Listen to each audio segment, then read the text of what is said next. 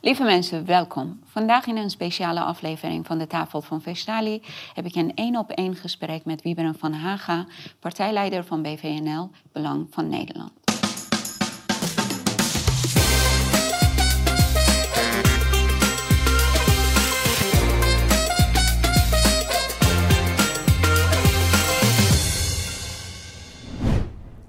Wieberen, leuk dat je hier bent. Ja, altijd uh, mooi om hier te zijn. Nou, bedankt. Je bent heel erg druk. En uh, we gaan van, vandaag een uitgebreid gesprek met elkaar voeren. Kijk aan. We praten zeker over politiek. We kijken terug naar de verkiezingen. Ja. Maar eerst wil ik jou het filmpje van uh, Mark Rutte laten zien. Die afgelopen dagen is viraal gegaan.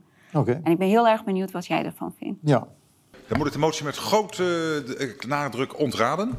En ik ga hem ook niet uitvoeren als die wordt aangenomen. Ik waarschuw maar vast. Dus als de Kamer niet wil dat ik, dat ik naar Brussel ga en deze motie wordt aangenomen, dan moet u op tijd de motie wantrouwen indienen. Want ik ga hem zeker niet uitvoeren. Dus wij gaan sowieso voor 17 miljard vers geld. Uitgesloten dat we dat niet uh, doen.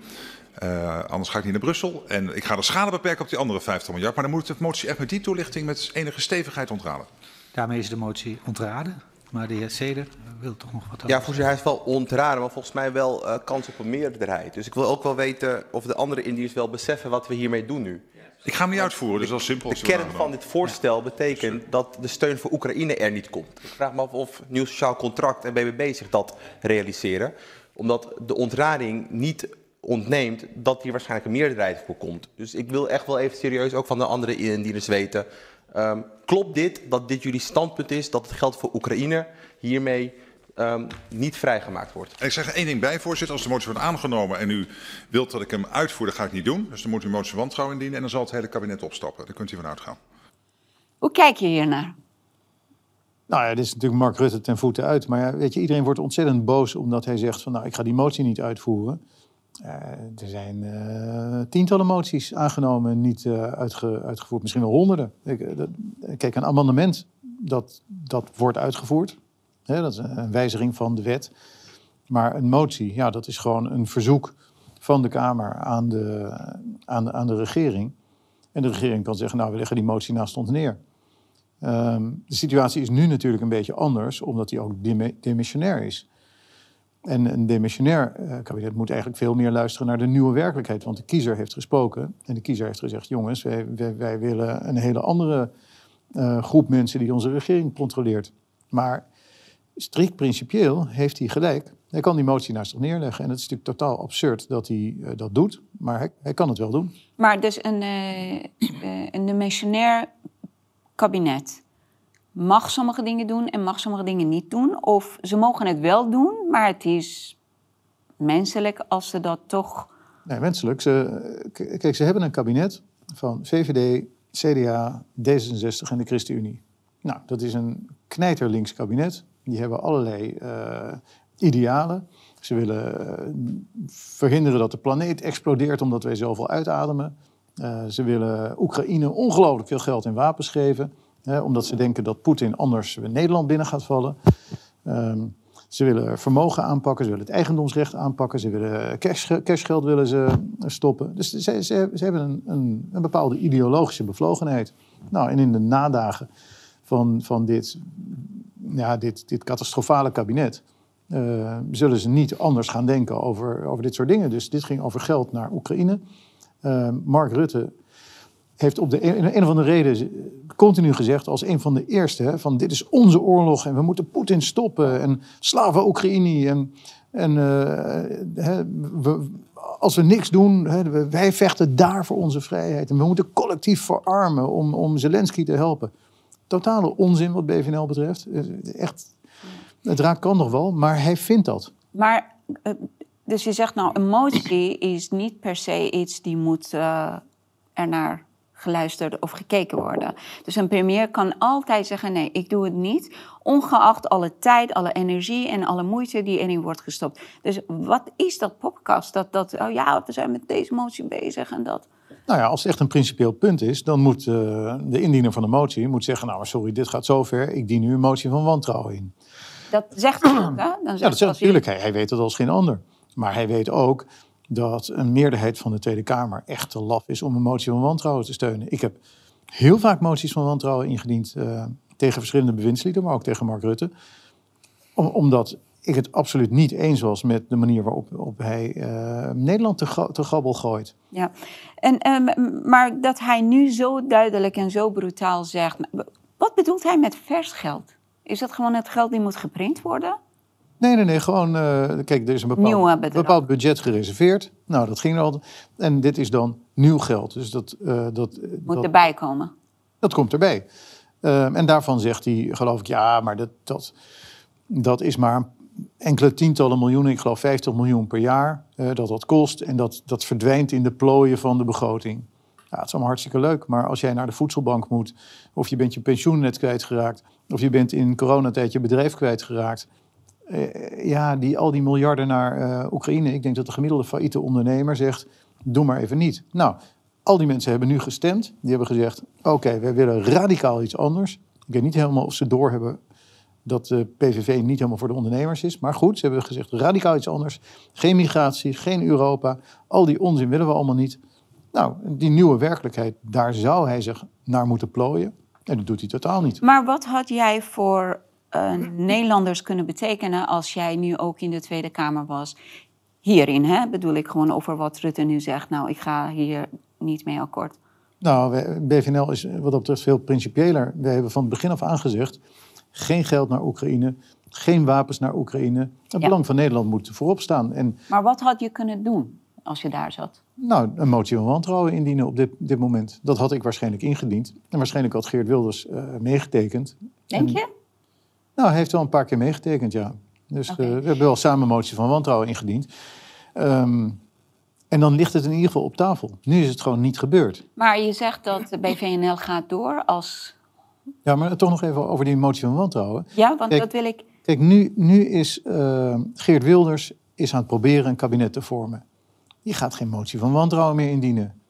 Hij wordt straks een onderdeel van het systeem. Als het lukt, hè? ik denk niet dat het lukt, maar als het lukt. Dus al die partijen die nu aan het praten zijn, die hebben helemaal geen behoefte aan, eh, eh, aan, golven in het water. Dus, dus dat gebeurt niet. Nu had je kunnen denken, oké, misschien dat eh, Joost Eerdmans dan die, die motie van wantrouwen indient. Maar het Hij is gebeurt in niet. zijn eentje. Ja, Forum heeft het ook niet gedaan.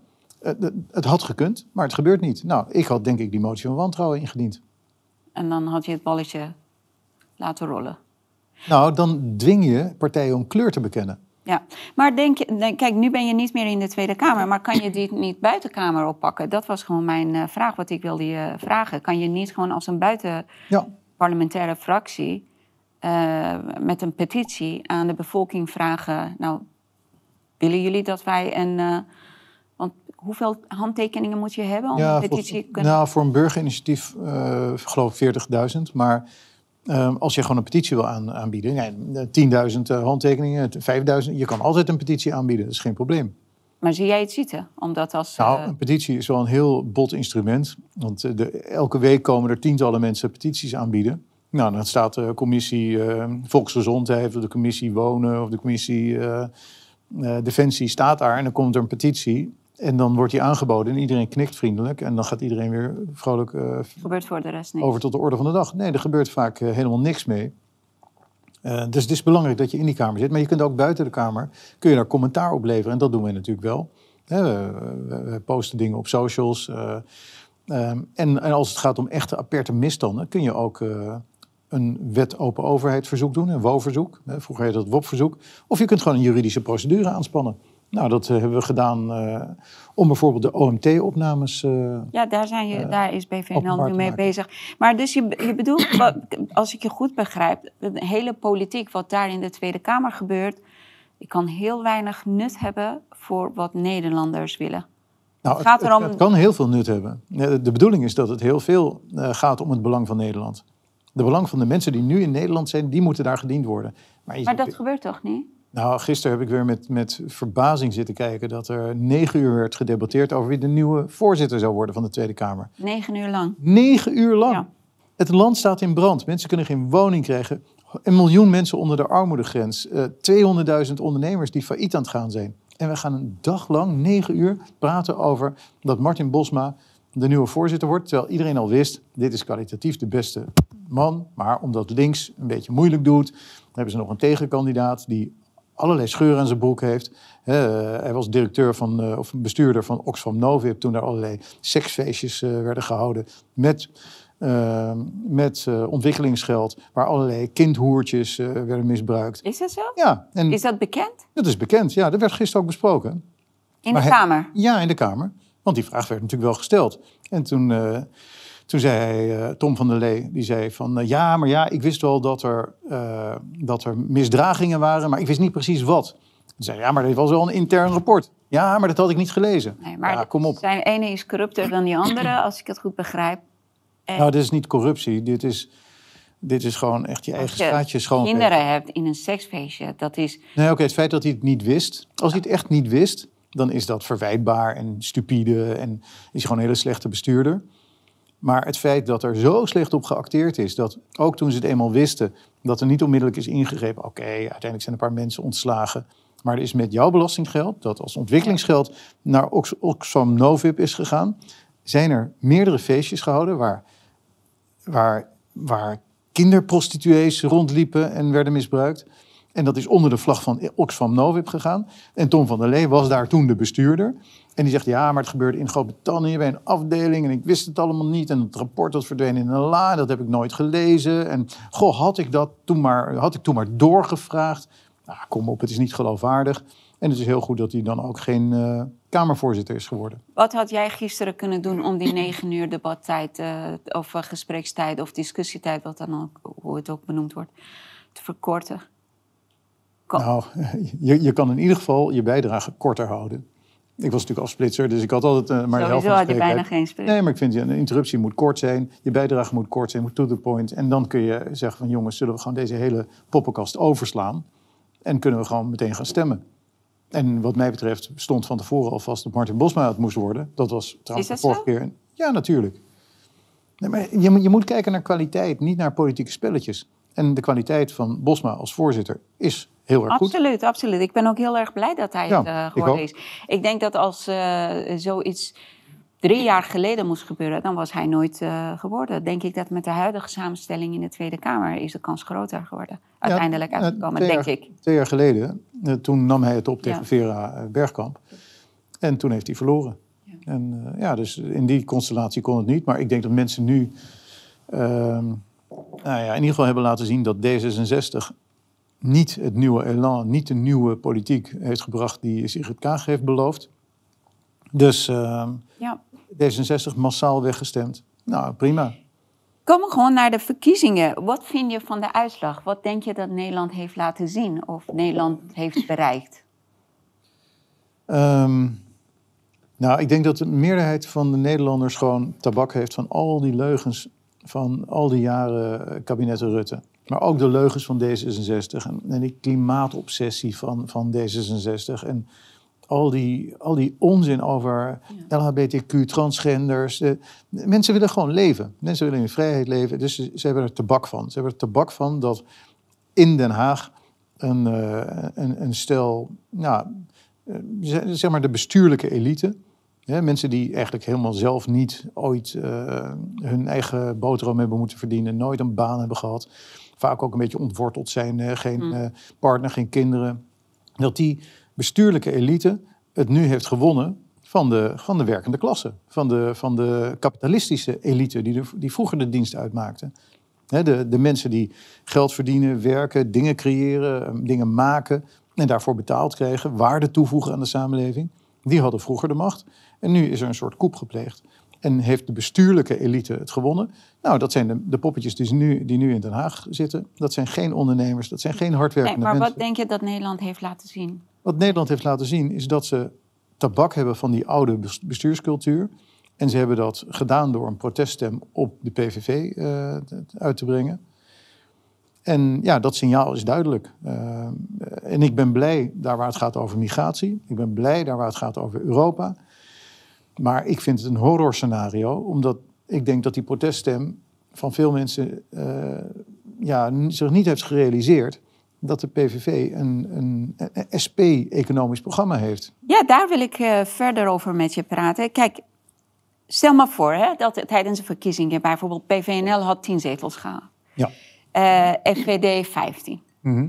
Dan was alsnog Frans Timmerman, is het een Timmermans of Timmermans. Timmermans de grootste geworden. Of de kans dat Timmermans eh, minister was geworden of premier was geworden, eh, was groter. Of Dylan Jezelgus. Ik denk dat Nederlanders met massaal stemmen op PVV hebben dat sowieso, voor zover dat, dat het nu eruit ziet, kunnen tegenhouden. Nou, Is dat niet een hele nee, slimme zet van Nederlander? Nee, dat denk ik niet. En ik, Waarom? ik denk ook niet dat het zo is. Maar ik snap wel dat gevoel van... Ja, als je eh, Frans Timmermans aan de ene kant ziet... en je wil echt voorkomen... eh, en, ja, en, en je ziet wat hij uitkraamt... voor waanzin over het klimaat, waanzin over kerncentrales. Dat is echt een, een levensgevaarlijke man als het gaat om... Nou, de ouderwetse samenleving die wij, die wij eh, gewend waren. Dan, dan begrijp ik dat heel goed. Timmermans mag echt nooit in het torentje komen. Die mag nooit een kabinet leiden. Dat, dat zou echt catastrofaal zijn.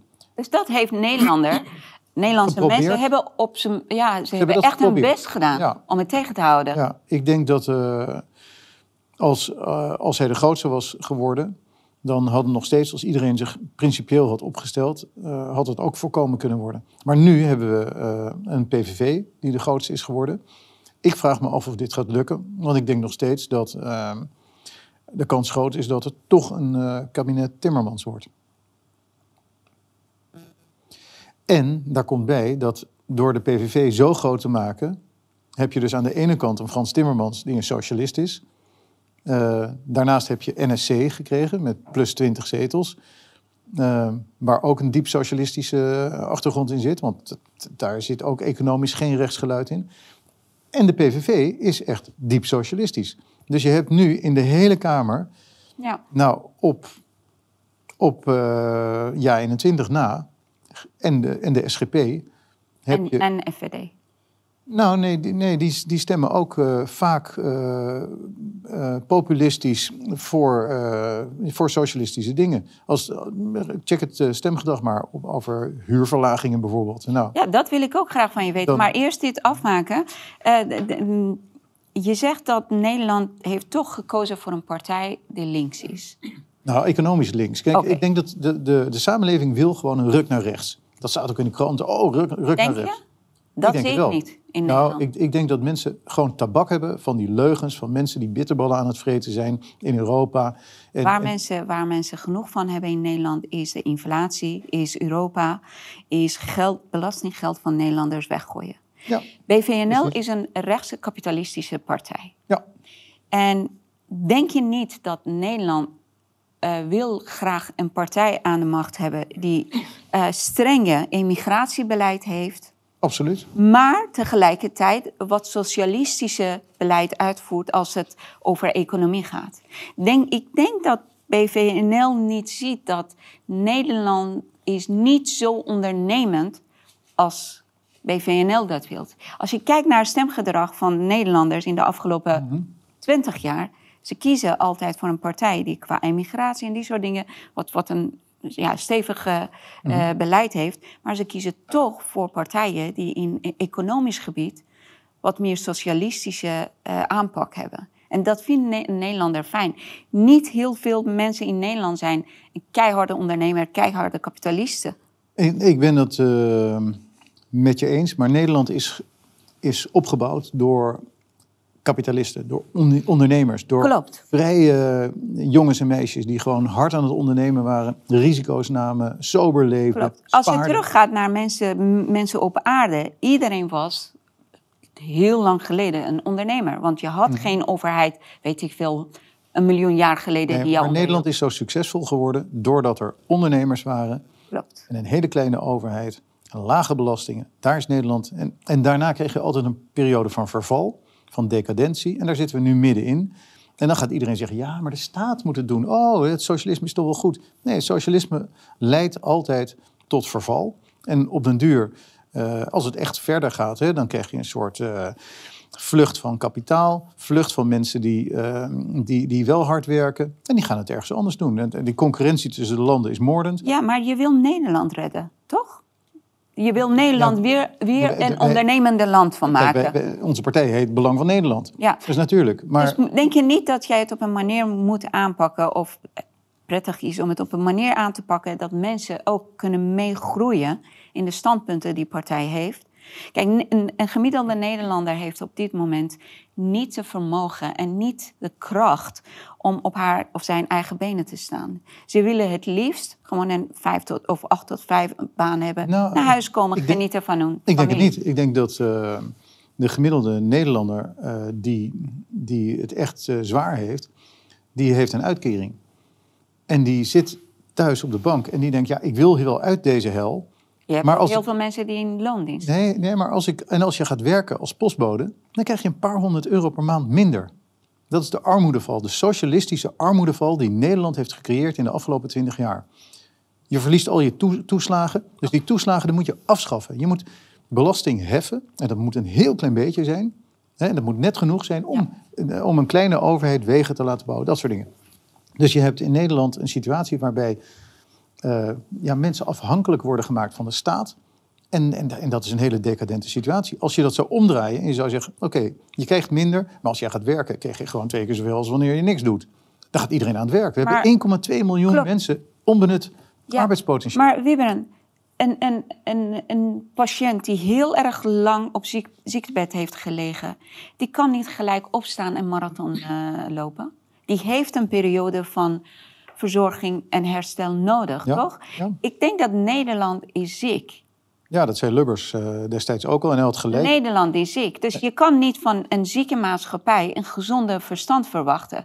Dat moet geleerd worden aan, aan Nederlandse Ja. bevolking. En je ziet, je ziet een hele rare indoctrinatie ook van onze jeugd. Die, die, Precies. die vinden dat dit normaal is. Dus denk je niet dat, dat BVNL ook in, economisch gezien wat meer socialistische standpunten, eh, tijdelijk in ieder geval, als dit eh, steunt, Nee, dat hij meer kijk, kans maakt? Nee, ja, misschien, maar kijk, je moet principieel zijn en je moet trouw zijn aan je idealen.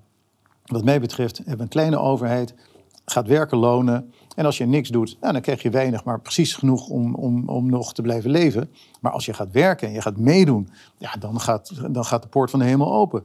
Dat is waar ik voor sta. En ik zal nooit, in ieder geval zolang ik eh, partijleider ben, daarop gaan compromitteren. Eh, ja, ik, ik, ik vind dat wij in een situatie zitten waarbij we vergelijkbaar zijn met Venezuela toen Hugo Chavez aan de macht kwam. Ehm, die voerde, voerde ook allemaal dat soort eh, onzinregels in. En de, de top 5% die vluchtte met het vliegtuig en die nam zijn kapitaal mee. En ja, dan stort het hele land in. En we zitten nu in zo'n jaloerse samenleving waarbij, eh, die, ja, waarbij die decadentie zo groot is en de afhankelijkheid van de staat zo groot is. En die bestuurlijke elite, hè, de, de poppetjes in Den Haag en in, in Brussel, ja, die, die, die, die, zeg maar die topambtenaren en die topbestuurders, die vinden het wel mooi. Want als je afhankelijk bent, stem je ook weer. En dan heb je een soort deadlock in de democratie. En eh, Ja, ja, maar je moet gewoon mensen helpen om uit die eh, zwakte te komen. ja, maar voor de huidige bestuurders is het toch helemaal niet interessant. Nee, klopt. Wat we Nee, nu maar- doen is elke keer meer geld gooien eh, naar de allerarmsten. Dus, oh, mensen kunnen hun energierekening niet betalen. Nee, ik- Oh, dan doen we een, eh, een, een paar honderd euro per maand eh, tijdelijk erbij. Maar dat is natuurlijk helemaal niet hoe het, hoe het moet. De fundamentele problemen zijn dat het volk heeft nu te weinig geld. Ze worden verarmen. Eh, ze hebben het koud, want ze kunnen hun energierekening niet betalen. Ze, ze verliezen hun banen, ze verliezen hun pensioenen. We zijn niet meer veilig, want ons hele leger wordt ongeveer weggegeven aan Oekraïne. Eh, Het is een totale absurde situatie, maar het moet nog ietsje erger worden. Nee hoor. En Als dan, het nog eh, erger wordt, nee, waar, want ik kom uit een land die alleen maar erger en erger wordt. Ja. Als het heel erg wordt, naarmate dat het land erger gaat met het land, eh, verwachtingen van de bevolking worden ook steeds minder en minder. Mensen verliezen hun zelfwaardigheid, zel- zelfwaarde. Dus waar gaan ze aan focussen om te overleven? En niet om te leven. En dat, dan, dan heb je een generatie na generatie na generatie mensen die steeds minder verwachten. Die steeds het gevoel hebben dat ze minder verdienen. Dus als overheid één keertje, weet ik veel, iets doet in het belang van het, belang van het land. Dan is hij wow, Ja. de redder en de savior. in Iran had je geen democratie. En hier hebben we nog wel iedere vier jaar verkiezingen. En nu heeft Oh, je bedoelt na de machtsovername. Ja. Want ervoor, ja, klopt. Kijk, dus wij hebben altijd nog de kans. Je kunt van die verkiezingen denken wat je wil. Natuurlijk wordt een klein beetje gefraudeerd en zo. En er wordt gemanipuleerd. En die peiling is allemaal heel vervelend. Maar we hebben wel de mogelijkheid. Mhm. Wat ga je nu opschrijven? Ja, peilingen, daar wil ik ook over praten. Nee, maar eh, we hebben iedere vier jaar de mogelijkheid. Ja. om als onze bestuurders er een rotzooi van maken. om ze naar huis te sturen. Nou, nu heeft het Nederlandse volk gezegd: wij willen iets totaal anders. Er zijn 20 zetels bijgekomen bij de PVV. NSC heeft er 20 bijgekregen. BBB heeft er Klopt. 6 bij. Dus er zijn 46 zetels. Hoepsakee, weggegaan. Het zijn allemaal partijen die wat socialistische standpunten ook hebben. Ja. Die zekerheid heeft Ja. de Nederlander nu, omdat ze zo zwak zijn gemaakt, nodig. Ja, maar als ze op BVNL hadden gestemd, Gestemd? dan hadden ze de zekerheid dat ze geen plafond hadden. Dan kan je groeien tot, tot in de hemel. Dan kan je de sterren plukken, dan kan je de hemel bestormen. en dan kan je ook risico's nemen. En dan Iemand ben die je... op ziekbed ligt, die heeft geen groei nodig, die heeft herstel nodig. Ja, maar daarom hebben wij de term barmhartig kapitalisme geïntroduceerd. Natuurlijk laten wij ook de onderkant niet verrotten. Natuurlijk niet. Wat, was het, wat waren de plannen van BVNL voor onderkant van de maatschappij? Mensen die echt door ziekte niet kunnen werken en een uitkering nodig hebben. Daar, daar, verandert helemaal niks mee. Nee, maar die mensen hebben dan alsnog heel weinig om te leven. Nee, die hebben meer dan genoeg om te leven. Alleen nu heb je miljoenen mensen Die daar een beroep die op- er een ja. beroep op doen. En als, als alleen de mensen die er een beroep op doen, die het echt nodig hebben, Klopt, ja. dan kan je dat veel beter organiseren. Maar nu, ehm, ja, nu- nu, is de motivatie om te gaan werken voor mensen die wel kunnen werken. En dat is die 1,2 miljoen eh, onbenut arbeidspotentieel. Die doen het niet. En ik zou het ook niet doen als ik hun was. Want als je postbode moet gaan worden voor 300 euro minder per maand, door weer en wind op je fiets, dat, ga- dat ga je toch niet doen? Dan blijf je thuis. Ja. Dus, dus de, er zit een perverse eh, prikkel in het systeem om niks te doen. En dat is de decadentie. En dat, dat is een overblijfsel van de ravage die, die Mark Rutte achterlaat. Je zegt dat eh, BVNL een kapitalistische rechtse partij is. Maar economisch rechts en kapitalisme is geen vies woord. Al is dat, Nee, tuurlijk niet. is dat een, een, een, een raar woord. Maar inderdaad, werken moet lonen. De overheid moet klein zijn. Ehm, je had ook in het partijprogramma gratis OV. Dat is toch zelfs een beetje communistisch? Ehm, ja, dat is een goede vraag. Eh, we hebben daar intern ongelooflijk veel discussie over gehad. Als de overheid eh, geld van jou afpakt, desnoods met dwang hè, in de vorm van belasting, dan moeten ze daar een paar dingen van doen die ze goed moeten doen. Ze moeten wegen maken, ze moeten ziekenhuizen maken, ze moeten scholen bouwen. Eh, de, de essentiële dingen die je alleen maar samen kunt doen.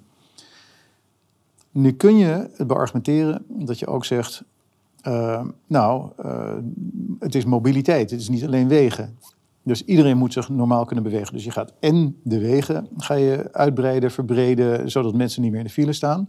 Maar je kunt ook zeggen, we hebben nog capaciteit in het openbaar vervoer. Eh, Als we dat openbaar vervoer nu gratis maken, dan heb je meteen eh, een extra hoeveelheid mensen die naar het openbaar vervoer gaan. En dan eh, heb je geen, geen files meer op de wegen. Dus dat is een snelle manier. En dat zou je dan gefaseerd kunnen invoeren door te zeggen... studenten en eh 65-plussers, die mogen gratis in het openbaar vervoer. En daardoor heb je geen files meer. Dus dat was het idee. Maar, Maar al- strikt, strikt principieel, ja? als je echt zegt van... wij zijn een kapitalistische partij, dan, dan kan dat niet. Nee, dan is dat- sowieso, alles wat eh, eh, gratis wordt aangeboden door overheid... betekent dat de overheid mag bepalen wat de regels en, eh, nou, en dingen zijn. Ik ben er ook een beetje op teruggekomen, want de overheid kan eigenlijk niks. De overheid, dat- die, alles wat ze doen, doen ze fout. Eh, misschien soms met goede bedoelingen, maar het, is altijd, het duurt altijd drie keer zo lang en het is altijd vijf keer zo duur. Je ziet het aan de verbouwing van de Tweede Kamer nu. Maar iedere brug, ieder, iedere weg die ze aanleggen, het gaat altijd mis. En het wordt altijd te duur. Dus eh, om gratis openbaar vervoer bij de overheid neer te leggen, dat is achteraf niet zo'n goed idee. Dus dat, gaat, dat wordt veranderd in het partijprogramma. Ik, ik ben daarvoor, ja. Ik moet dat natuurlijk nog aan de leden Ja, eh, voorleggen. Want we zijn Maar dat was ook niet aan de leden voorgelegd toen, toen dat in het partijprogramma was gekomen. Toch? Nee, maar we hebben, nou, we hebben het verkiezingsprogramma aan de leden voorgelegd. Eh, dat is bekrachtigd. Maar we hebben daarna nog een aantal dingen daaraan toegevoegd. Eh, en, en we hebben ook toestemming aan de leden gevraagd om nog bepaalde dingen toe te kunnen voegen. Ehm, achteraf was dit denk ik niet een handige zet. Oké. Ik denk dat de enige wat de overheid gratis moet aanbieden aan de bevolking is onderwijs. Dat is de enige. En de rest van de dingen moet betaalbaar zijn. Dus Ja. de overheid moet Ja. zorgen dat faciliteiten in de maatschappij moet betaalbaar blijven. Nou, je kunt ook een, een, een bepaalde ondergrens voor gezondheidszorg eh, bedenken. Dat iedereen moet wel toegang hebben tot goede gezondheidszorg en, en, en gratis onderwijs. Dat ben ik helemaal met je eens. Maar wat hebben we gezien eh, op het onderwijsgebied? Is er een hele pechgeneratie ontstaan. Klopt, met Die- die, financiering. Ja, die, die eh, in, in het leenstelsel mee moest doen. Nu vind ik daar ook wel wat haken en ogen aan. Want ja, ik heb altijd drie dagen per week gewerkt toen ik studeerde. En ik zie nu mensen die, die, die kwamen dan bij mij eh klagen hè, over dat leenstelsel. En ik ben ook voor de studiebeurs. Hè. Ik vind dat leenstelsel echt waardeloos. Ik vind dat je gewoon een basisbeurs moet krijgen. En de universiteit moet gratis zijn, opleiding moet gratis zijn. En je, iedereen moet het kunnen doen. Maar je mag best van mensen verwachten dat ze nou, elke zaterdag gaan werken. Tuurlijk. En dan heb je geen 80.000 euro studieschuld. Dan heb je misschien eh, 20.000 euro studieschuld. Eh. Maar dan studenten moeten gaan werken als ze wat leuker willen leven. Ze moeten niet gaan werken om hun studiekosten te betalen. Dat vind ik niet kunnen. Nee, dat ben ik in principe met je eens. Maar van werken is nog nooit iemand dood gegaan. Klopt. Eh, dus dus Maar- laten we.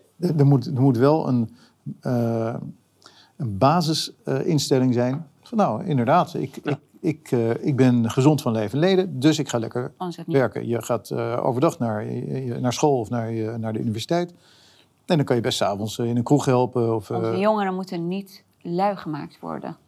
Dus ze moeten gemotiveerd worden dat als ze wat aantal uren gaan werken, dat het echt gaat belonen. Dus dat ze Precies, veel Da- meer leuke daarom eh, vind ik ook dat het minimum jeugdloon omhoog moet.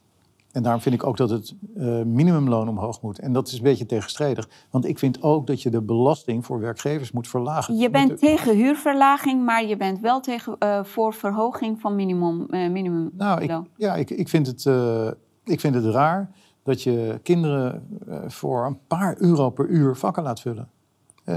Kijk, dat, dat kan best wel wat meer. Alleen, de werkgeverslasten zijn vaak heel erg hoog. Dus als ik zie wat ik, eh, wat ik eh, mijn medewerkers betaal, bruto... en wat ik dan aan werkgeverslasten en premie er, erbij moet betalen... dat is gigantisch. Als ik dan zie wat ze zelf overhouden, dat is niks. Dat, is, dat slaat nergens op. Dus zij moeten netto meer overhouden. En het moet mij als werkgever, moet het me bruto minder kosten. En dat kan als de overheid gewoon minder afneemt van ons. Maar waarom ben je dan tegen huurverlaging? Nou, er was een, een motie waar ik eh, erg mee om mijn oren word geslagen. Ik weet niet meer wie hem indiende. En BVNL was de enige die Ja. eh, voor die motie had gestemd, of tegen de motie had gestemd. En zeggen ze allemaal, oh ja, jij zit zelf in het vastgoed. En Het was een huurverlaging bij sociale woningen. Nou, er zijn heel veel sociale woningen in Nederland, veel te veel. En daar wonen mensen in die soms echt terecht eh, in een sociale woning wonen. Dan betaal je bijvoorbeeld 600 euro, dan krijg je huursubsidie, weet ik wat, 300 euro, en dan betaal je netto 300 euro. Als je dan de huur gaat verlagen van de mensen die het echt nodig hebben en eigenlijk niet kunnen betalen, dan ga je bijvoorbeeld naar 500 euro en dan verlies je een gedeelte van je huursubsidie. En dan betaalt diegene nog steeds 300 euro. Maar voor wie is het gunstig? Voor de overheid. Nee, voor iemand die in zo'n socia- sociale huurwoning woont en die eh 500 euro betaalt, maar 100.000 euro eh, inkomen heeft per jaar. Die krijgt gewoon een huurverlaging.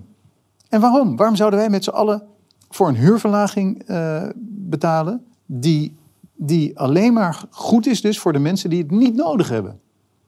En in heel veel van die... En wat, wat je dus wel zou doen, als je zegt van luister, mensen die aan de onderkant zitten en het echt niet kunnen betalen, waarom, waarom doe je dan niet de, de huurtoeslag omhoog, de huursubsidie?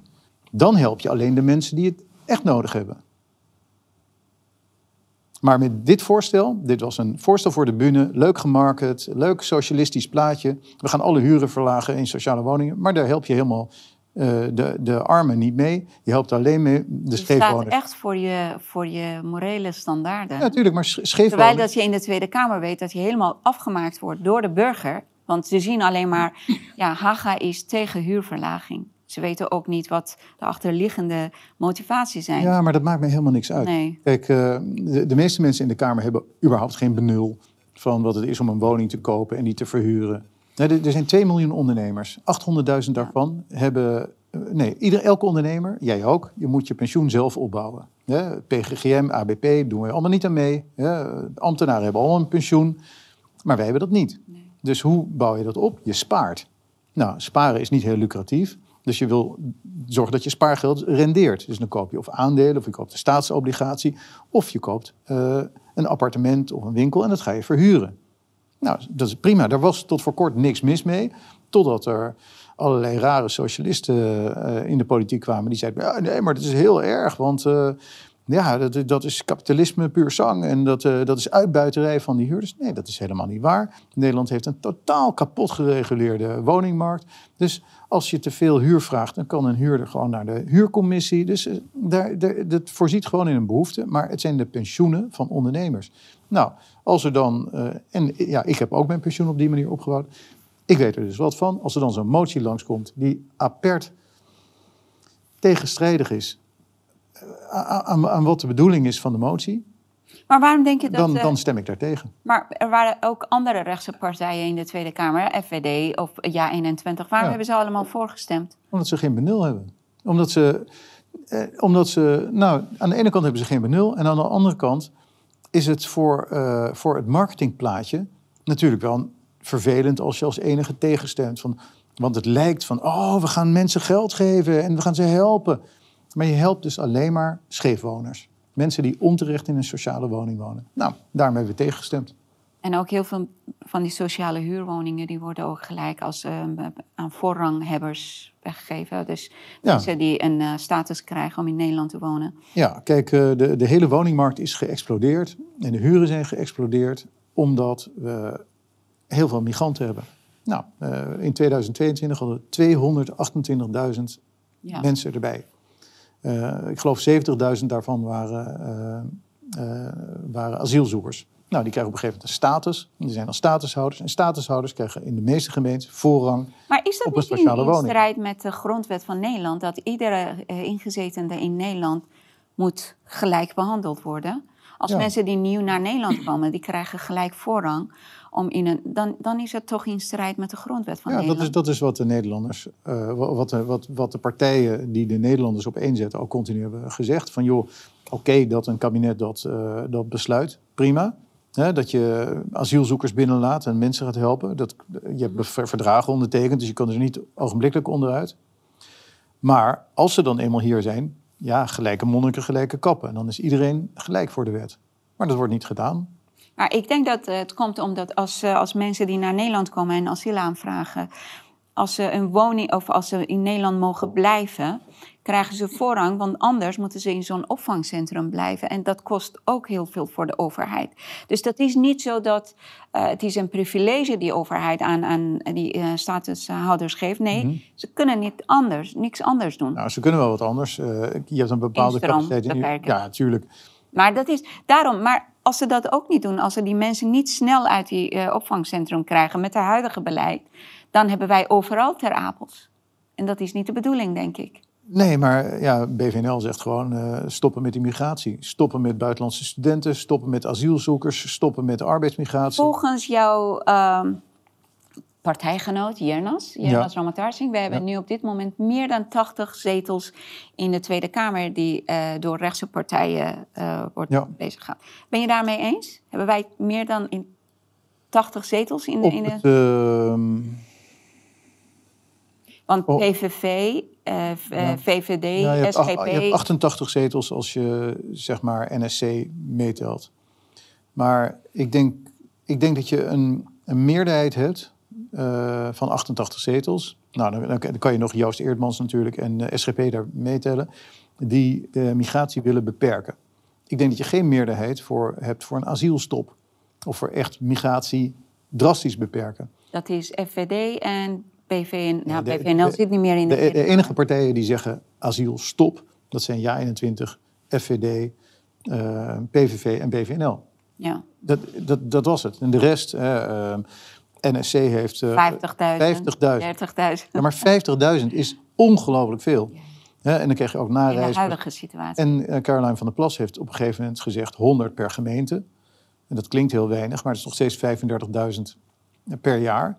En toen heeft ze dat teruggebracht naar 15.000. Maar dat is dan ook heel eh, raar, want je hebt gemeentes met, weet ik veel, 35.000 bewoners en je hebt gemeentes met meer dan 100.000 bewoners. Ja. Dus dat is, dat, 100 per, dat, dat is toch niet eerlijk? Nee, volgens mij moet je kijken. Nou, waar zitten de Partij van de Arbeid en GroenLinks-stemmers en de D66-stemmers? Hoppa. En daar moet je ze allemaal neerzetten. En Maar- dan, en, ja, maar dan leren ze ook omgaan met de consequenties van hun gedrag. Maar dat is ook heel. Voor mij, dit blijft een, een hele aparte situatie. Want ik weet nog, toen ik in een opvangcentrum was. Mhm. die waren- mijn hart stopte iedere keer als ik in de gangen te horen kreeg... oh, het is nu een rechtse partij aan de macht in Nederland. Oh, ze, ze gaan eh, eh, vluchtelingen allemaal wegsturen. Het wa- Zelfs nu krijg ik koude handen als ik eraan denk. Ja. Dus dit vind ik heel moeilijk. Hoe maak je onderscheid tussen een echte vluchteling... die voor, voor haar of voor zijn leven moet vluchten... dan een gelukzoekers? Weet je, ik denk dat Ja, er maar- hele strenge regels, screening moet komen. Maar hoeveel echte vluchtelingen zijn er? Ik denk veel te veel om in Nederland op te vangen.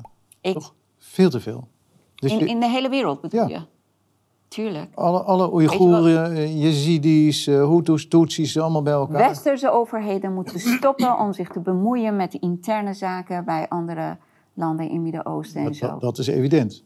Maar Dat ik, is- ik denk dat dat, je, als je mensen die vluchten voor een oorlog opvangt in de regio, ik denk dat je dan eh, veel beter bezig bent. Maar dan heb je de situatie met Oekraïne, want Nederland is dan regio Nee, nee, voor ja, Oekraïne. dat, dat zegt eh, Mark Rutte ook, nee, natuurlijk niet. Maar natuurlijk moet je barmhartig zijn, maar je hoeft niet Maar waarom is Nederland niet regio? Want het is ook in Europa. ja, 3000 kilometer verderop. Oh, je bedoelt gewoon eerst veilige Nou, ook dat. De Dublin-akkoorden, die, eh, Dublin-verhaal. ja. Dat- in het eerste veilige land waar je komt, Mm. vraag je asiel aan. Maar ik vind dat je helemaal niet zo makkelijk moet zijn met het weggeven van een Nederlands paspoort. Je kunt best wel misschien tijdelijk mensen opvangen. Ehm, maar waarom je na vijf jaar meteen een Nederlands paspoort gaat weggeven, dat, dat, dat, dat is raar. En het is Ik ook speel raar- nu advocaat van duivel. Hè? maar wel, kijk, maar- na vijf jaar, omdat bijvoorbeeld mensen die hierheen komen, hun leven Hm. moet ook doorgaan. Hè? Ze krijgen eh, hier kinderen misschien, of ze hebben kleinkinderen. Een kind die vijf jaar of tien jaar in Nederland is opgegroeid. Wat heeft hij nog als hij terug moet gaan met zijn of haar ouders naar de geboorteland van de ouders? Nou, Weet je wat een klap dat is Ja, voor, dat, voor een... dat, dat begrijp ik wel. Maar als je een samenleving helemaal ontwortelt door eh, ieder jaar honderdduizenden mensen binnen te laten, dan kan je toch ook zeggen van nou oké, als het echte vluchtelingen zijn, en dat kan veel minder zijn dan nu, hè, Mhm. echte vluchtelingen, en je, en je, je wordt vijf jaar lang geholpen en het is dan weer veilig. Ja, dat je dan weer teruggaat, dan moet je dankbaar zijn dat je vijf jaar bent geholpen. En dan, dan hebben die kinderen een prachtige ervaring, hebben Nederlands geleerd. En die gaan, Ja. gaan dan weer lekker eh, op school. Ik denk Eh, dat als gewoon strengere regels en duidelijkere regels komen, dat helpt iedereen. Ook diegene die hier vijf of zes of tien jaar moet verblijven, dan weet hij alsnog, als mijn eigen land veilig is, dan moet ik terug. Dan gaat hij ook anders om met de hele gebeuren. Ja, Ook, dan gaat hij ook zijn Maar, kinderen, denk maar de hele wereld eh, lacht ons op dit moment uit. Ja, ik, heb, ik heb een, eh, een, een bedrijf in India. Nou, die, die zeggen allemaal, ja, iedereen weet naar Nederland, Duitsland, Zweden. Als je daar terecht eh, weet te komen, je gooit je paspoort weg. Ja, je krijgt gewoon een paspoort en je krijgt een huis, je krijgt gratis gezondheidszorg, je krijgt gratis onderwijs, je familie kan komen. En er- wordt nergens op gecontroleerd. Dat, nou, ik weet niet of dat daar, daarop wordt gecontroleerd of niet, maar toen ik naar Nederland kwam, 30 jaar geleden, Ja. dat was ook wat ons verteld werd door, door die smokkelaars. En je hebt de statistieken gezien, toen was, was het toch een stuk strenger.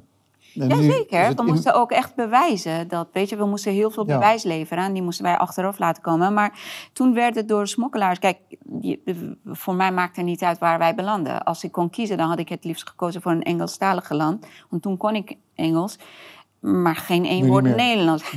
nou, nu, nu praat ik liever Nederlands Ja, dan. Engels.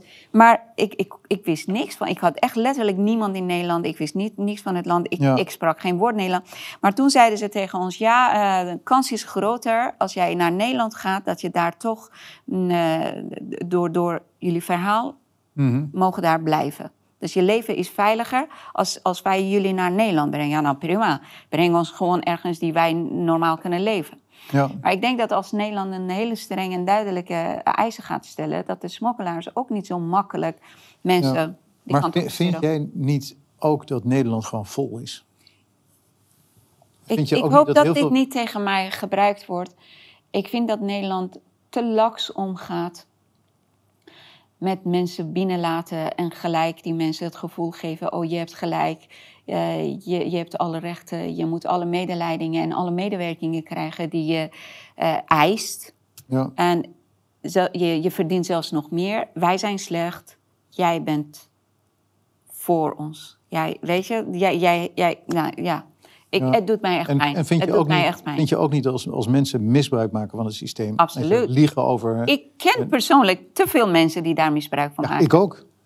Dus nee, daarom ben ik... ik... Joh, ik ken mensen, goede vrienden, van mij, he- hele dorpen zijn uit Turkije hier naartoe gekomen. Hele dorpen zijn uit de meest bizarre landen hier naartoe gekomen. En iedereen, ja, ja, zo, eh, ja blijkbaar kan dat. Maar het is wel de, de perversheid van ons systeem dat we dit toelaten en dat we het ten koste van onze eigen En denk je dat laten jij zo'n zo'n land kan eh, wakker schudden met rechtse kapitalistische stem?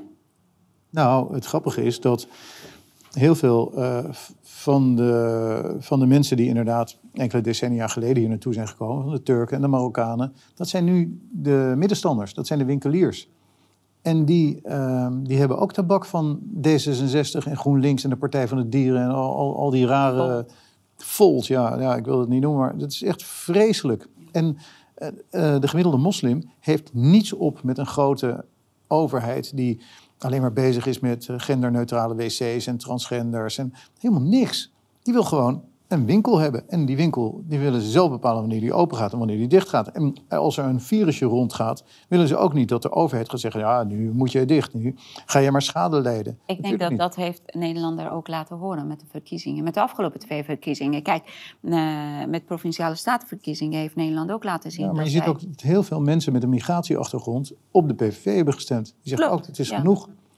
En nog even over die eh, asielzoekers. We zijn naar eh, Ter Apel geweest en eh, naar andere locaties.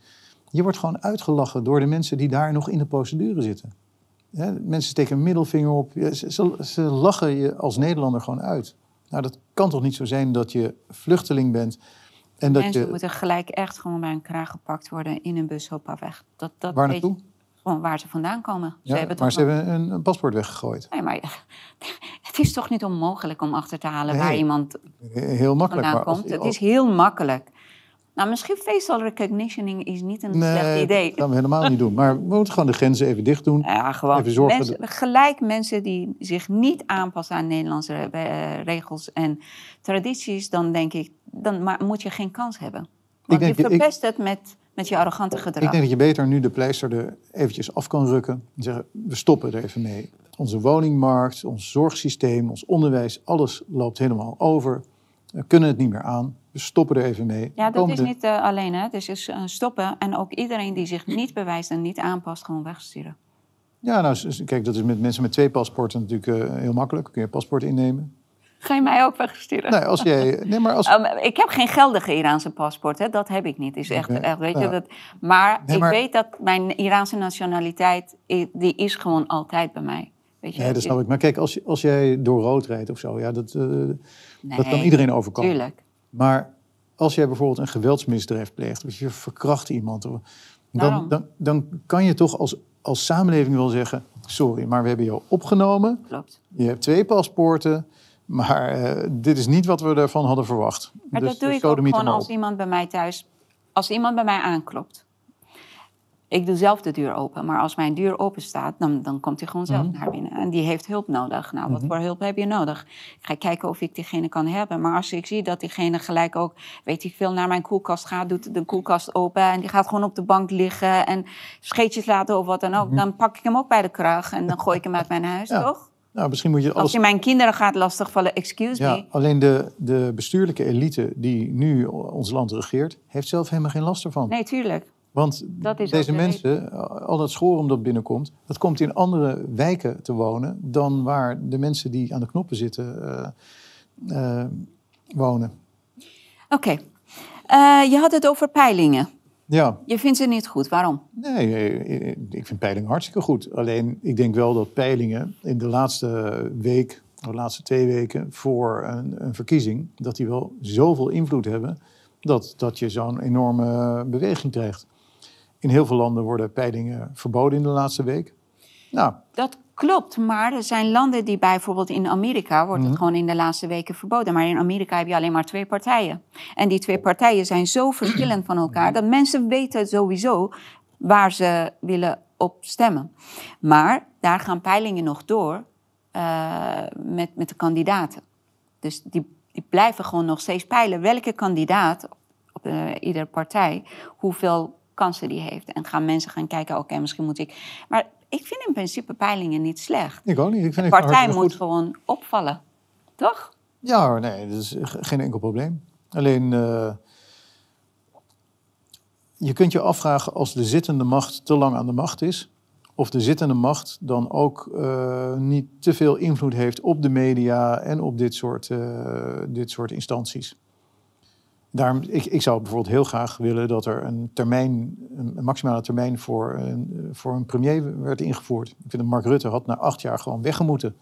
Want als je langer dan twee termijnen zit, ja, dan, dan, In dan heel zit er veel dus, landen is het zo. ja, hè? zit er zo, ja, dat is niet voor niets.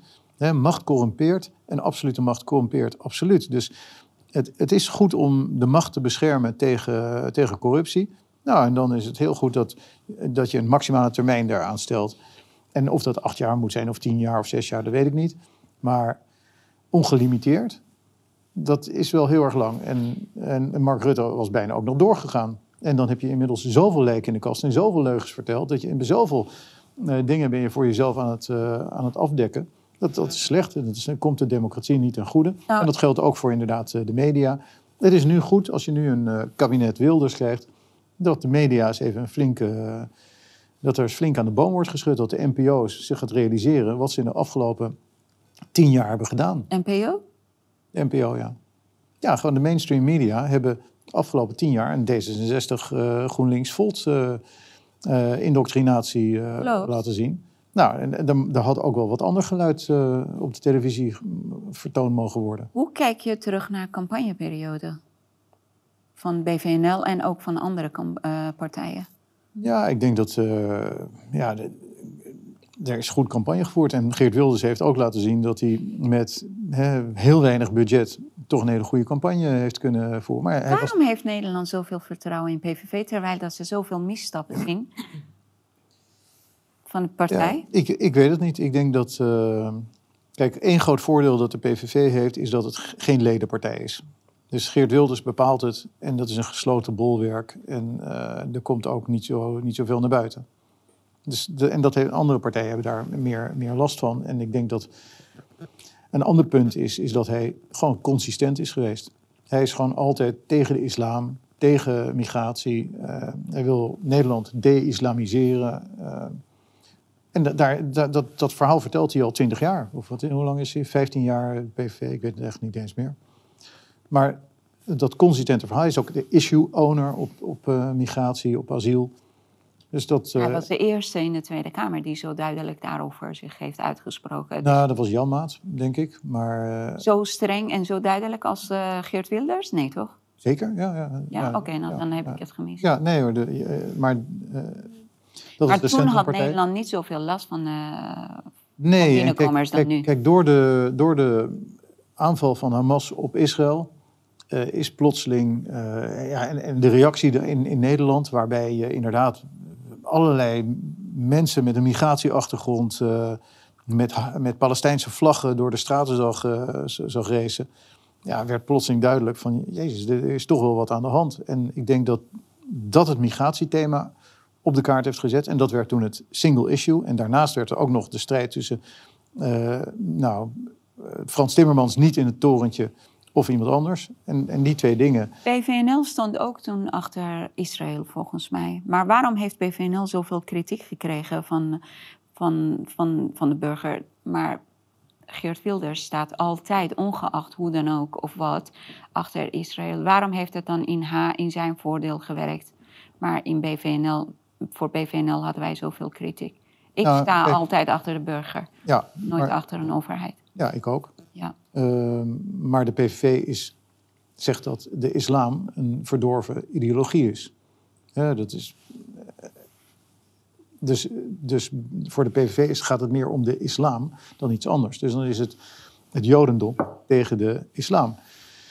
Voor, voor mij is het gewoon een... ehm, nou, het is, het is een, een optelsom van factoren. Aan de ene kant hebben wij een ereschuld aan, eh, aan Israël, aan de Joden. Eh, wij, wij zijn onderdeel geweest van eh, het uitmoorden van 6 miljoen eh, Joden. Nederland heeft daar echt niet een beste rol in gespeeld. Dus die ereschuld staat. Er moet een Israël zijn. Israël moet zichzelf kunnen verdedigen. En, en het is goed dat we Israël steunen. Daarnaast is het ook zo dat, je, dat Israël niet ongelimiteerd uh, slachtoffers kan maken. Dus uh, je moet ook sympathie hebben voor onschuldige burgerslachtoffers die uh, onder de Palestijnen in, in de Gazastrook worden, worden gemaakt. Dat laat onverlet dat wij een terroristische organisatie zoals Hamas veroordelen. Ja, die aanval was, was walgelijk en dat, dat kan niet. En daarom, daarom vond ik het ook raar dat, dat er bepaalde partijen waren, ook rechtse partijen, die zeiden ja, Hamas, terroristen, je kunt het ook vrijheidsstrijders noemen dat is semantiek. Ja, ik vind dat niet. De Hamas zijn terroristen. Die moeten opgerold worden, uitgeroeid worden. En natuurlijk moet er een Palestijnse staat komen. Maar de Palestijnen hebben ook niet echt handig onderhandeld. dus, dus er moet een twee-staten-oplossing komen. Er moet een Israël zijn, er moet een Palestina zijn. En Hamas moet van de kaart geveegd worden, want dat is, is een terroristische organisatie. Nou, met terroristen moet je korte metten maken. Waarom denk je dat dan, uh, ongeacht hoe dan ook, uh, Geert Wilders blijft zijn trouwe stemmers hebben. En die wordt steeds groter. Het, het lijkt dat bijvoorbeeld uh, eh, eh, VVD heeft ook heel veel trouwe stemmers. Want ze zitten nu ook niet op vijf zetels. Ze hebben nog steeds veel. 24, ja. Ja, um, ja mensen zijn loyaal. Ik, ik, ben, ik ben ook loyaal. Ik ben 38 jaar lid geweest van de VVD... totdat ik eruit gekieperd werd en, uh, en gerooieerd werd ik, ik, was altijd heel blij met de VVD. De VVD was zeker onder Bolkestein een hele principiële partij. Vrijheid, verantwoordelijkheid, sociale rechtvaardigheid.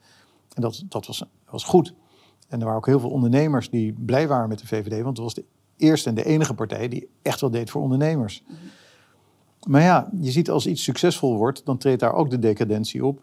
En dan zie je dat in zo'n partij uh, mensen naar boven komen drijven bij gebrek aan gewicht Mensen die nog nooit iets hebben gedaan, geen baan hebben gehad, helemaal niets kunnen.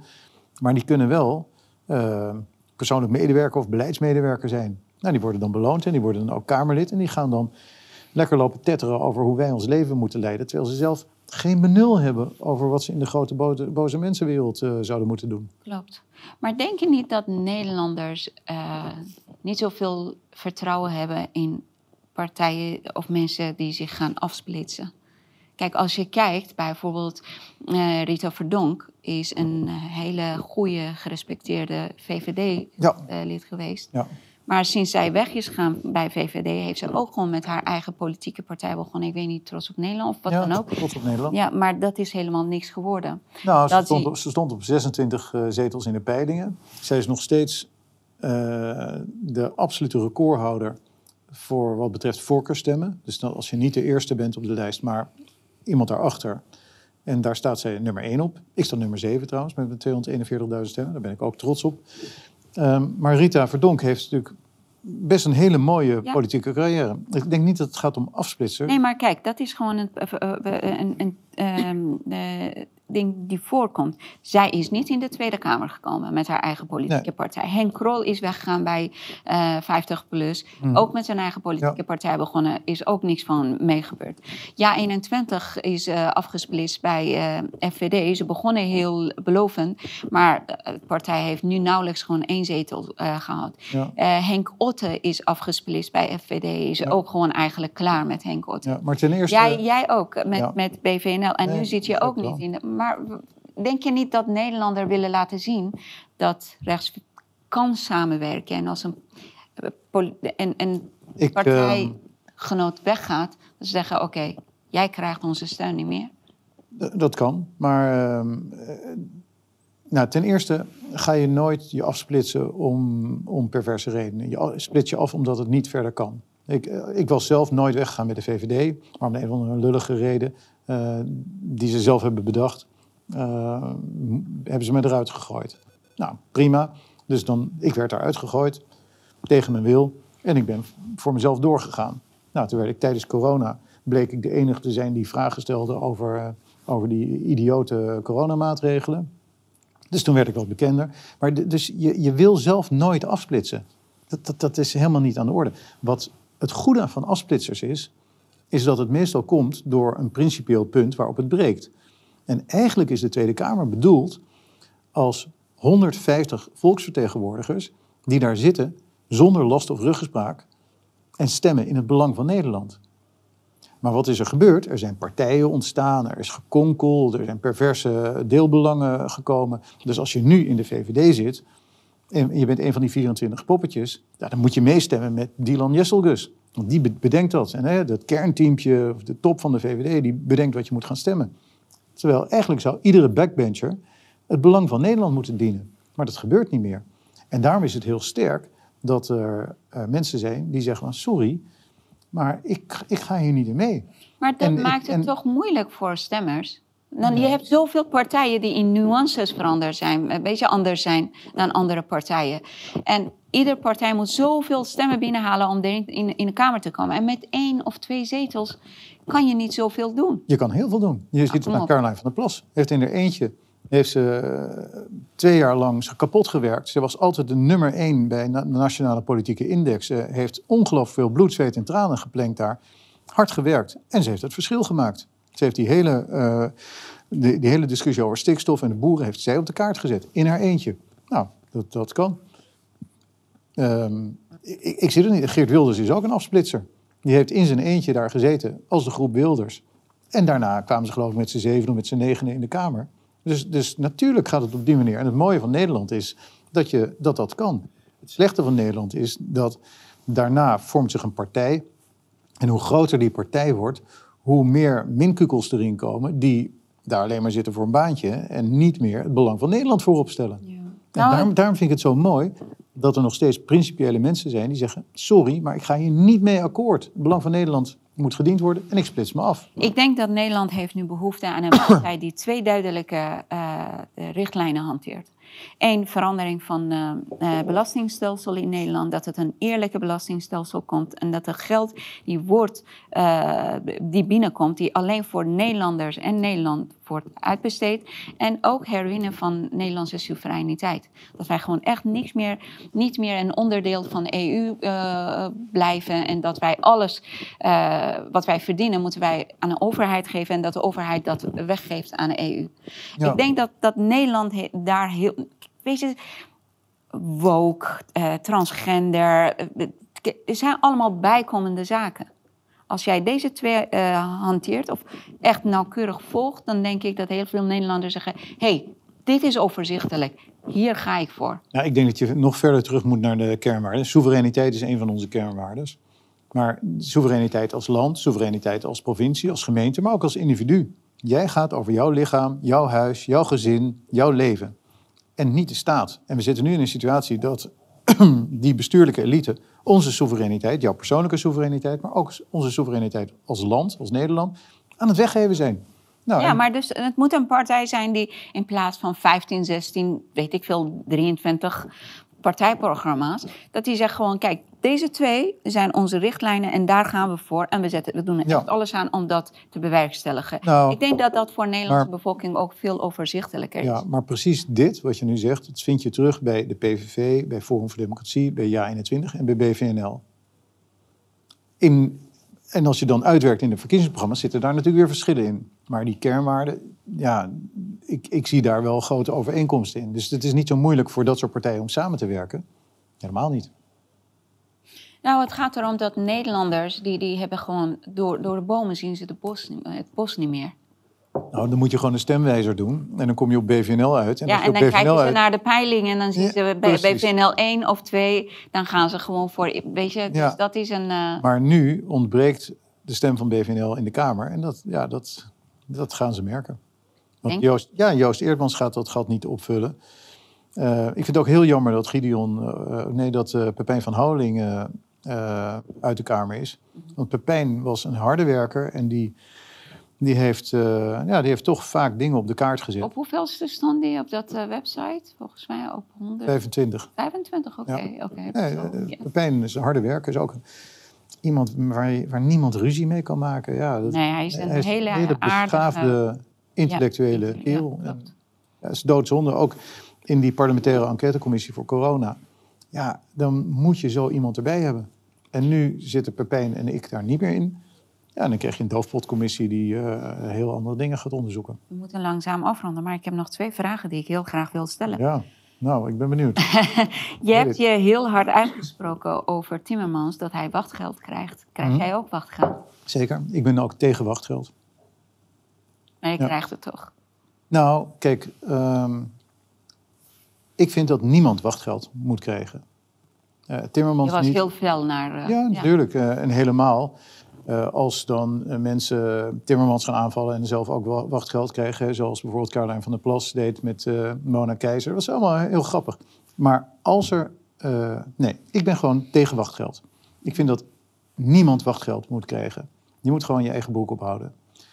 Maar als er sprake is van wachtgeld, dan kan het toch niet bestaan dat allerlei partijleidertjes van de Partij van de Arbeid in Haarlem en zo eh, gaan zeggen: ja, die eh, kapitalistische eh, extreemrechtse huisjesmelker die eh, mag geen ge- gebruik maken van zijn wachtgeld. Dan denk ik: hallo. Dan zit er een een of andere minkukel die zit heel hoog van de toren te blazen, terwijl de staat neemt eerst heel veel belastinggeld van mij af. We zitten in een samenleving waarbij je een soort nou, nieuw sociaal contract hebt waar je nooit voor hebt getekend. Maar als jij geen belasting betaalt, dan komt de overheid met geweld jouw huis binnenrennen en komt het afpakken. Dan ga je de gevangenis. Hè, dat, is, dat is het systeem waarin we zitten. Dus er is heel erg lang ongelooflijk geld van mij, veel geld van mij geïncasseerd als belasting. Ik ben daar niet voor, want ik vind het een immoreel eh, systeem. Ik vind, het een, eh, ik vind belasting zoals het nu wordt gebruikt. En de hoeveelheid eh, die er geïncasseerd wordt, vind ik, vind ik gewoon diefstal. De immoraliteit waarmee mijn belastinggeld en jouw belastinggeld wordt gebruikt voor oorlogen in het buitenland, voor, alle, voor, nou, voor die hele asieltsunami, Wordt eh, verspild. 24 miljard per jaar. Het wordt gewoon verspild. Daar werk ik niet voor. Ik ben prima bereid, hè, ik ben geen 100% libertariër, ik ben prima bereid om een klein beetje belasting te betalen, zodat we ziekenhuizen hebben, zodat we een vangnet hebben voor mensen die het echt niet kunnen, Ja. hè, voor scholen, voor wegen. Dat vind ik prima. En dan wil ik het graag betalen over de winst die ik maak of over eh, het arbeidsinkomen dat ik. eh, Dat is allemaal prima. Maar er zijn dus heel veel jaren zijn er, is er belasting afgenomen van mij. Dan komt er een minuscule restitutie. De overheid geeft mij Ja. eindelijk iets terug waar ik volgens diezelfde perverse overheid recht op heb. Iedereen die, die eh, Ja. in de Kamer heeft gezeten, zes jaar in mijn geval, heeft daar recht op. En dan gaan mensen moeilijk doen omdat ik die minuscule restitutie op mijn eigen belastinggeld eh, niet, n- niet wegwapper. En dan zeggen ze, en, en dat, is, dat is echt de paradox van het altruïsme. Hè? Ja. Ehm, Ik denk dat mensen zeggen omdat jij, eh, jij het niet nodig hebt om te overleven. Maar Timmermans ook helemaal niet. Maar je, ehm, wat gebeurt met, met dat wachtgeld als jij het niet krijgt? Dat gaat niet in de zak van een Nederlandse burger, toch? nee, dat gaat naar Oekraïne, of het gaat naar asielzoekers, of het gaat naar eh, allerlei woke bullshit, het gaat naar wat jij- klimaatonzin. Je hebt het niet nodig, want je, je, bent, iemand, je, je bent iemand die heel goed van zichzelf en van zijn familie en omgeving kan zorgen. Wat doe je met dat geld? Want je bent met allerlei dingen bezig. Nou, Wat heb jij gedaan met je eigen vermogen voor partij, voor campagne en wat doe je nu met het wachtgeld? Eh, nou, ik, ik heb nog geen wachtgeld gekregen, hè, dus ik eh, weet niet eh, hoeveel het is. En, dus ik, ik weet het nog niet. Maar Je gaat hem niet sparen, neem ik aan. nou, ik, ik, ik weet nog niet wat ik er eh, mee ga doen. Maar kijk, voor mij is vrijheid mijn grootste goed. Ik, ik, ik heb een, nou, ik zal het voor de laatste keer zeggen. Ik ben een beetje een kabouter met een autoriteitsprobleem. Dus ik wilde zo snel mogelijk onafhankelijk zijn. Onafhankelijk van de overheid, onafhankelijk van ouders, onafhankelijk van leraren, Ja. onafhankelijk. Dus ik heb zo snel mogelijk, zo hard mogelijk gewerkt bij Shell. eh, tien jaar bij Shell, eh, drie jaar Gabon, vier jaar Schotland, eh, drieënhalf jaar Oman. Dus ik heb, ik heb hard gewerkt en dat geld heb ik gebruikt om te ondernemen. Heb ik risico's meegenomen. En inderdaad, ik kan mezelf nu goed verzorgen. Door de VVD heb ik, toen ik de Kamer inkwam, mijn bedrijf onder een stichting moeten hangen. Dus dat is los, daar heb ik niks mee te maken. Ik kan geen handtekening meer zetten, ik krijg daar ook geen geld uit. Ehm, maar je hebt gelijk, ik, eh, ik, eh, ik ben financieel onafhankelijk, intellectueel onafhankelijk. En dat maakt mij misschien ook wel gevaarlijk voor die bestuurlijke elite. Want ik heb hen helemaal niet nodig. Ik kan zeggen wat ik wil en dat heb ik ook gedaan. En daarom was ik in corona, denk ik, ook eh, tijdens die coronatijd zo, zo moeilijk te pakken voor veel mensen. Want het boeit mij niet. Ik heb dat baantje niet nodig. terug naar dat wachtgeld. Wat ga ik ermee doen? Ik weet het niet. Ehm, maar ik zie het primair als een restitutie op alles wat de overheid van mij heeft afgepakt in de afgelopen jaren aan belastinggeld. Een soort heb, belasting teruggaan. ja, nou ja, het, het, het, het is een druppel op de gloeiende plaat. Ik weet het niet meer. Maar kijk, we, we hebben ook nog eh, een, eh, een partij. Maar Ja. ik, ik, heb, ik heb liever dat het geld terugkomt naar mij en dat ik er dan iets eh, mee doe. Iets, iets goeds. Dan dat, ik, eh, dan dat het bij de overheid blijft en dat die er allerlei perverse dingen mee gaat doen waar ik helemaal niet achter sta. Heb jij ook eh, je eigen vermogen geïnvesteerd tijdens de campagne? Of heb je gewoon geld eh, besteed aan je campagne? Ja, nou, ik, ja nee, ik, eh, ik heb. eh, nee, ik, ik, ja, ik, ik declareer überhaupt nooit wat, maar. eh, dus alle onkosten zijn voor mij. Maar ik heb, weet ik wat, 35.000 euro direct in de campagne gestopt. Eh, ik ben niet de grootste donateur. eh, er zijn mensen die meer erin hebben gestopt. Maar. Nou, je, eh, je, je zet ook heel veel je tijd erin. jawel, oké, maar dat is die moeilijk. tijd kan je ook gewoon spenderen in je onderneming. Zo Dat kan is je waar, maar, maar nee, maar gewoon eh, direct geld eh, Ja. eh, doneren aan de partij. Heb ik voor deze campagne 35.000 euro eh, gestort. En ik had nog 20.000 euro geleend aan de partij.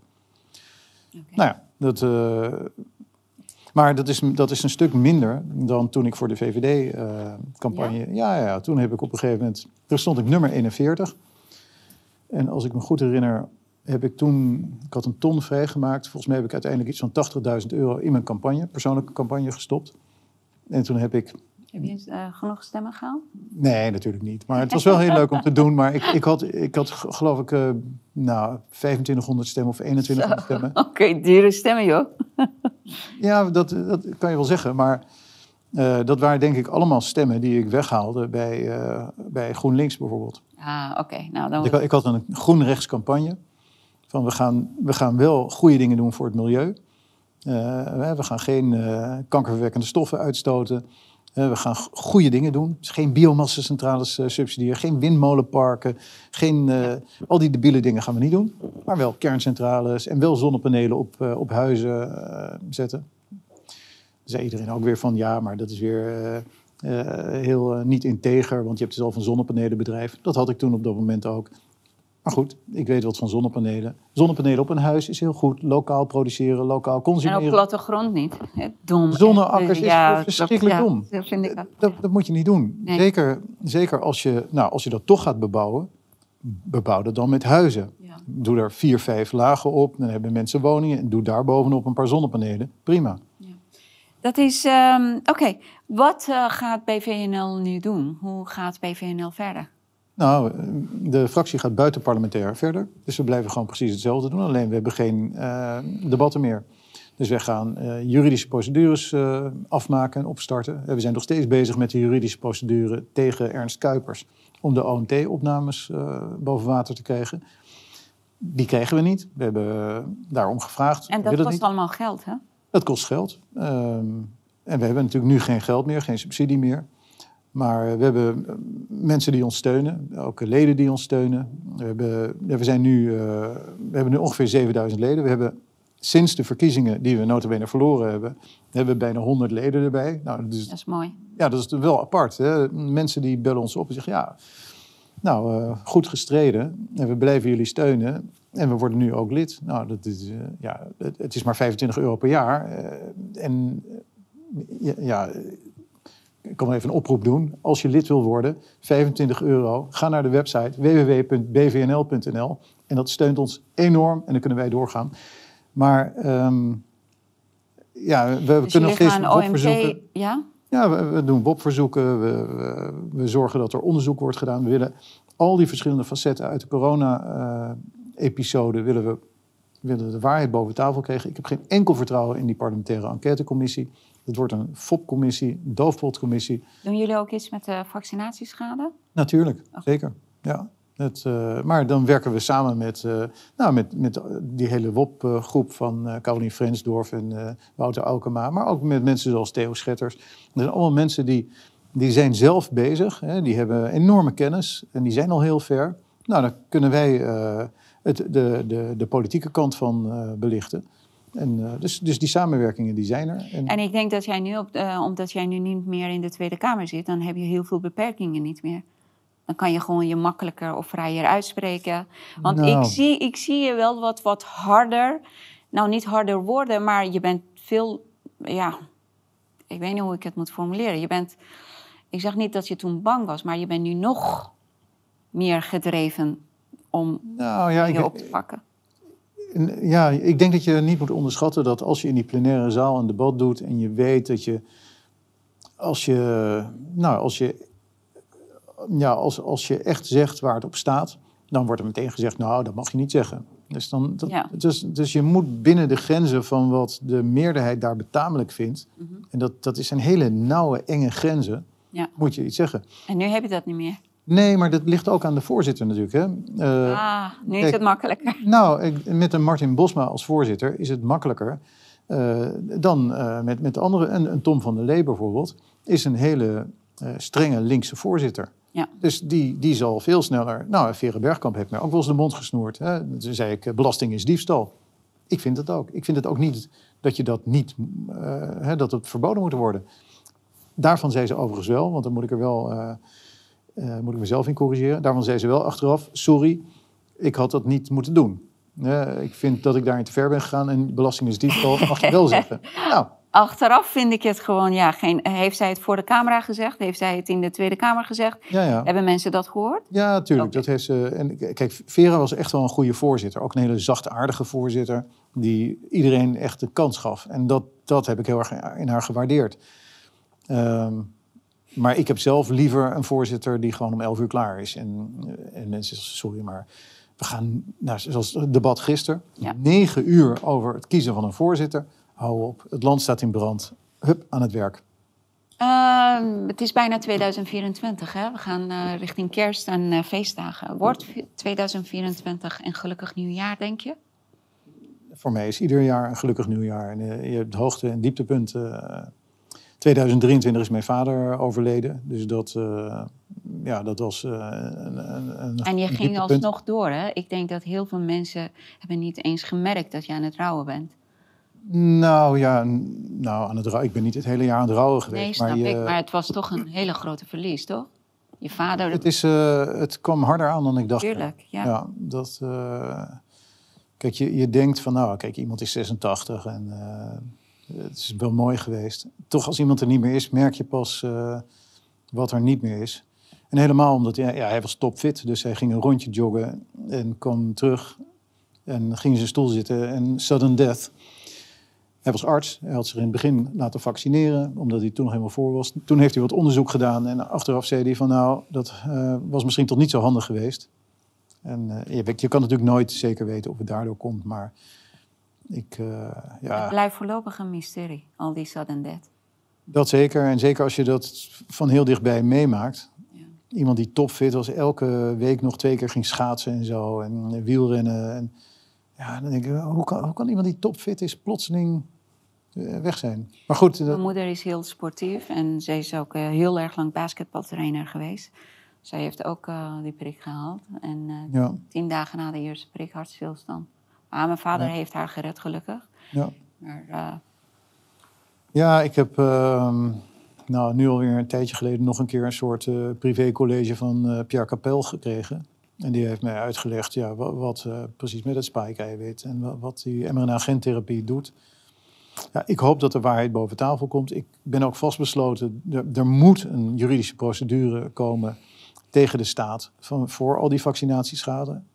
En ik, ik denk dat ja, als de parlementaire enquêtecommissie echt goed zou werken, dan komt er zoveel rotzooi boven tafel. Dat er gaat echt, ook achter de Ernst aan, toch? nou, achter, achter iedereen, eh, Mar- Mark Rutte, eh, Hugo de Jonge. Ja? eh, Ook Mark Rutte? na- natuurlijk, want ze, ze zijn allemaal verantwoordelijk Ja, geweest. klopt. En natuurlijk, je, je kunt je afvragen. Ik, ik heb me tijdens de coronaperiode vaak in de plenaire zaal afgevraagd: is het, is het moedwillig kwaad gedrag of is het domheid? En ik, ik heb elke keer gezegd: ik hoop dat het domheid is. En dat het goede bedoelingen zijn. Maar als je nu ziet wat er uit die WOP-verzoeken komt, we zijn gemanipuleerd. We zijn, we, zijn, we zijn verkracht door onze eigen overheid. Maak je je niet zorgen omdat jij zo gedreven met, met, met een dossier bezig bent die niet geopend mag worden. Maak je je daar geen zorgen over? Nou, Voor je ik- eigen veiligheid? Ehm, nou, ik maak me niet zozeer zorgen om mijn eigen veiligheid. Misschien is het een beetje eh, naïef. Maar ik, eh, nou, ik heb één keer een indringer in mijn huis gehad. Nou ja, dus ja, ik vind het echt heel jammer dat ik niet zelf thuis was. Want dan kan je misschien een voorbeeld stellen van jongens, als jij op mijn terrein komt, Ja. in mijn huis. Dit staat jullie te En, wachten. en de staat verdedigt mij niet. De staat doet niets. Die man is niet veroordeeld. Er is, niet, eh, er is helemaal niets meer gebeurd. Geen gevangenisstraf. Hè. Max de fakkeldrager krijgt Ja. nou, zes maanden cel. Uiteindelijk geloof ik vijf maanden. Maar iemand die mijn huis binnendringt. De eerste keer dat het bij een politicus gebeurt sinds Els Borst. Ja, dan was ik graag thuis geweest. En ik, ik had hem echt het licht uit zijn ogen geslagen. En ik had ook gehoopt, had gehoopt dat hij het nooit meer had kunnen navertellen. En dat het ook een symbool was geweest van jongens. Als de overheid politici niet beschermt. Ja, natuurlijk als het heel erg is. Hè. Geert Wilders heeft heel erg lang al bescherming. Maar de rest wordt niet, eh, niet beschermd. En dan gebeuren dit soort dingen. En dan gaat het OM ook nog zo ver... dat ze zeggen, ja, maar dit was echt een verwarde man. En zo, zo fijn dat hij Ja, zorg, heeft eh, geaccepteerd. Eh, we doen er verder niks mee. Nou, ik vind het weerzinwekkend. En dan nog iets. Vanwege de AVG en allerlei privacybeperkingen... mag ik niet weten wie het is. Ik mag Och, zijn naam niet weten. Nee, dat weet ik niet. Oh. Maar hij weet wel waar ik woon. Ja, ja, ja, ja. En dat is raar. Ja, dit- dit is- we zitten in, in een soort eh, eh, asymmetrische werkelijkheid, waarbij, waarbij ik dus heel kwetsbaar ben en, en, en de staat de, de daders beschermt. Maar goed, Ik ken je nu bijna twee jaar. En ik weet hoe gedreven je bent. Wat een doorzetter je bent. En ik weet ook hoe grappig je bent. Het is jammer dat Nederland dat niet... eh, ja, Niet- maar niet dit heel veel was niet heel grappig, toch? Nee, nee, nee, is nee maar je, bent ook, je hebt echt een eh, Engelse humor. Dat is heel, heel mooi, weet je. Soms zeg je gewoon op, maak je opmerkingen en dan denk ik... Ja, nee, maar dat is grappig. Ik moet even over Ja, nadenken. maar j- jij begrijpt dat ik- omdat jij misschien buitenlands bent, maar de meeste mensen begrijpen het eh, niet. Ja. Nou, ik het hoop, dat je, ik hoop dat je met volle toren doorgaat. En je bent met heel veel goede dingen bezig. Dankjewel, gaan we doen. Ik ben blij dat ik je ken. En ik wens je nu alvast een hele fijne, gelukkige Ik ben ook heel blij dat ik jou ken. Dankjewel. Nou, lieve mensen, bedankt voor het kijken. En eh, nou, dit was een eh, openhartig gesprek met Wieberen. We hebben heel veel dingen met elkaar besproken. Feestdagen komen eraan. En eh, ik wil jullie allemaal bedanken voor jullie betrokkenheid. Voor alle e-mails die ik van jullie krijg. Vergeet ons niet te helpen met delen en liken van onze video's. En donaties hebben wij heel erg eh, hard nodig. Echt heel erg hard om door te kunnen gaan. Ik zie jullie graag volgende week. Ja, ik hoop dat mij streng maar ik,